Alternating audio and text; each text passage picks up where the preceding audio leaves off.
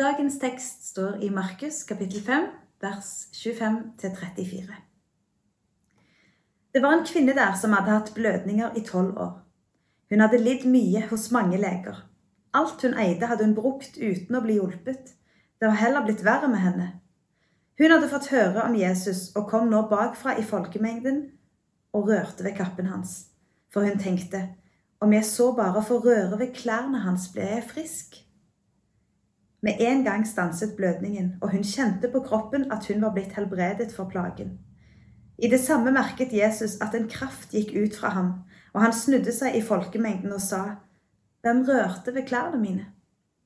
Disiplene sa, Du ser hvordan folk trenger seg inn på deg, og så spør du hvem som rørte ved deg. Men Jesus så seg omkring for å få øye på den som hadde gjort det.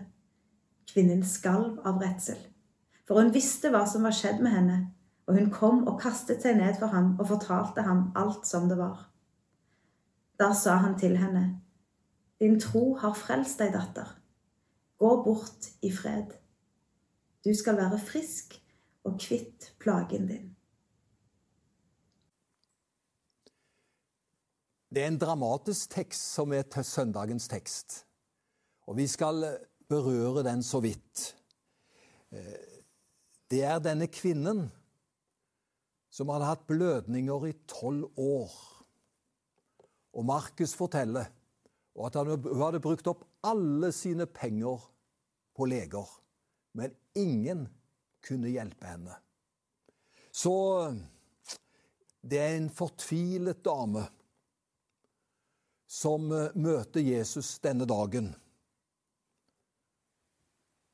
I tillegg til sykdommen disse blødningene som hun hadde hatt i tolv år, så ble hun på grunn av dette så ble hun sett på som uren i Israel. Levde man med blødninger over lengre tid, så ble man sett på som en uren person. Dermed så fikk man ikke være med i gudsdyrkelsen, og man fikk ikke være med i samværet med sine venner. Altså, det var jo en fortvila situasjon. Hun var syk. Man har jo nok med sin sykdom.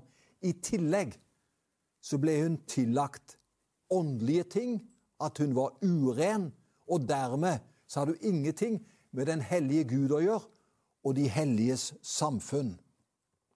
En rett og slett fortvilet situasjon. Og som siste utvei i denne kvinnes liv så hadde hun hørt om Jesus.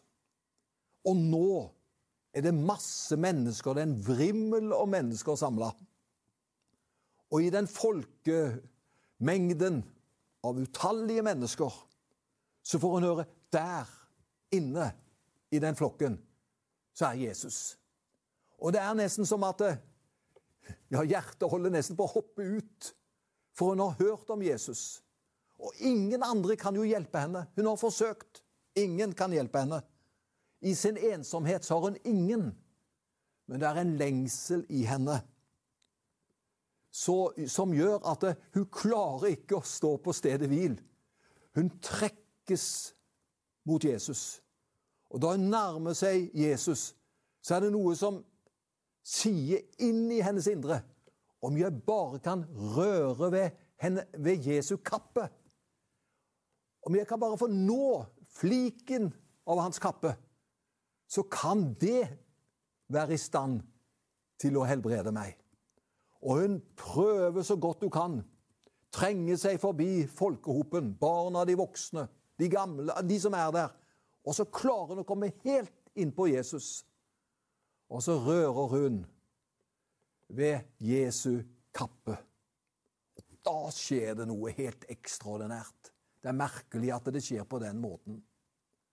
For i det øyeblikket hun rører ved Jesu kappe, så står det at det går i samme stund en kraft ut av Jesus. Og den kraften som går ut av Jesus, den går inn i kvinnens kropp, og hun blir momentant helbredet. Det er jo utrolig, det som skjer. Hun er så fortvilet i sin nød, og hun har bare én hun kan gå til som kanskje kan hjelpe henne, og hun satser alt på at Jesus skal gjøre det. Og så rører hun ved Jesu kappe, og så blir hun helbredet. Jeg syns dagens tekst i dette avsnittet så fortelles det noe veldig flott om Jesus. Det forteller at når Jesus møter mennesker, og hver gang Jesus helbreder noen mennesker, så går det noe av Jesus til den som trenger han. Noe av Jesu legedom, herlighet, kraft. Noe av det han er og har i sitt vesen. Det går ifra han til den som trenger det, og som ber om hjelp. Og hver gang Jesus helbreder noen, så koster det han noe. For det er jo noe han mister, det er noe som går ifra han. Men allikevel så får han påfyll igjen. Men han merker det koster jo å være med å gi. Og det var det helt sikkert også for Jesus. Det var noe som skjedde. Men det forteller om hans vesen, hans kjærlighet, hvordan han ofrer seg. Og det viste jo Jesus fremfor alt han betalte prisen for å hjelpe oss alle den prisen som var hans eget liv da han døde for oss på korset. Det, det kostet noe for Jesus i enhver situasjon. Han gjorde det ikke på en lettvint måte, men han var villig til å betale prisen. Det viser hvordan Jesus er. Og det gjør at vi kan få hjelp, og vi kan bli frelst. Men denne fortellingen forteller også noe av disiplene. For disiplene de, de, bare tenkte logisk, de bare tenkte menneskelig, de. For når Jesus stiller det spørsmålet 'Hvem var det som rørte ved meg?' For jeg kjente det gikk en kraft ut ifra meg. Da kommer fornuften hos disiplene. Og det forteller hvordan disiplene var. De sier, 'Neimen, kjære deg, Jesus. Ingen av oss kan vel vite hvem som trykte på deg.' Det er jo så masse folk her. I denne folkemassen så er det jo ingen som kan ta ut hvem som gjorde det, for alle var jo så nær deg. De brukte sin fornuft, og for de så klarte de ikke å løses det, det spørsmålet som Jesus hadde, for de brukte fornuften på en feil måte. Så det forteller om Jesus, denne beretningen, hvordan han er. Forteller det om disiplene som er på en annen bølgelengde. Eh, deres fornuft kunne jo ikke gi et godt svar. Men så forteller også denne beretningen noe om kvinnen.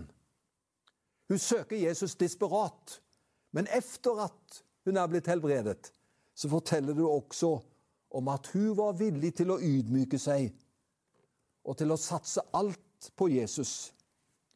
Hun bekjenner nemlig at det var hun som hadde rørt ved Jesus. Og da hun hadde rørt ved Jesus og bekjente at det var hun som hadde rørt ved Jesus.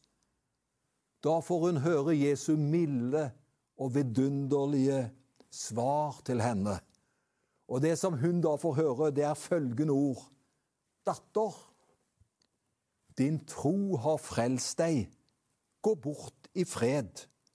Du skal være fri fra din plage. Jeg syns det er veldig interessant at Jesus han sier ikke 'kvinne'.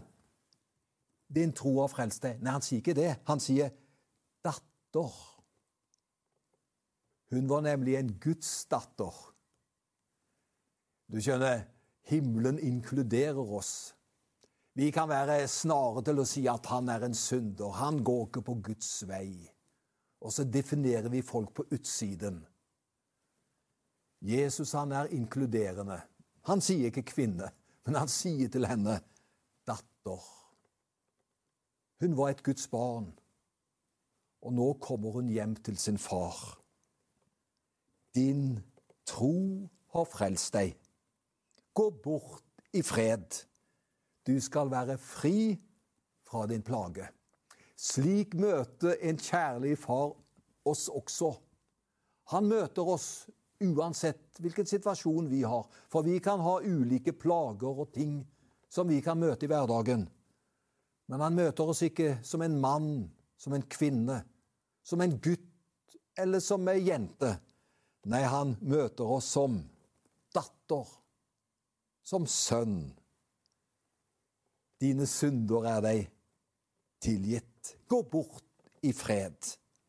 Gå bort, og så skal jeg være med deg. Vi er gjenstand for Guds kjærlighet og Guds nåde. Og den trenger jeg, og den trenger vi alle. Ha fortsatt en fin ferie og en fin søndag. Jeg vil be litt av bønn i dag også, jeg. Så ber jeg at Gud skal være med deg, være med i ditt liv, i din hverdag. Og så håper jeg at du har det greit og godt med deg sjøl og med alle dine. Herre, takk at du kjenner oss. Du vet om alle ting. Her i dag så har vi tatt for oss kvinnens siste håp, og det var deg. Det var å møte deg, Jesus, som var hennes siste håp og hennes redning. Og takk at du er vår alles redning. Vi kan komme til deg i alle livets situasjoner. Og så vet vi at fortsatt så går det en kraft ut ifra deg som hjelper oss. Takk at du tar imot oss som sønner og døtre, og du elsker oss med en evig kjærlighet. Ta imot velsignelsen. Herren velsigne deg og bevare deg. Herren la sitt ansikt lyse over deg og være deg nådig. Herren løfte sitt åsyn på deg og gi deg fred. I Jesu navn. Amen.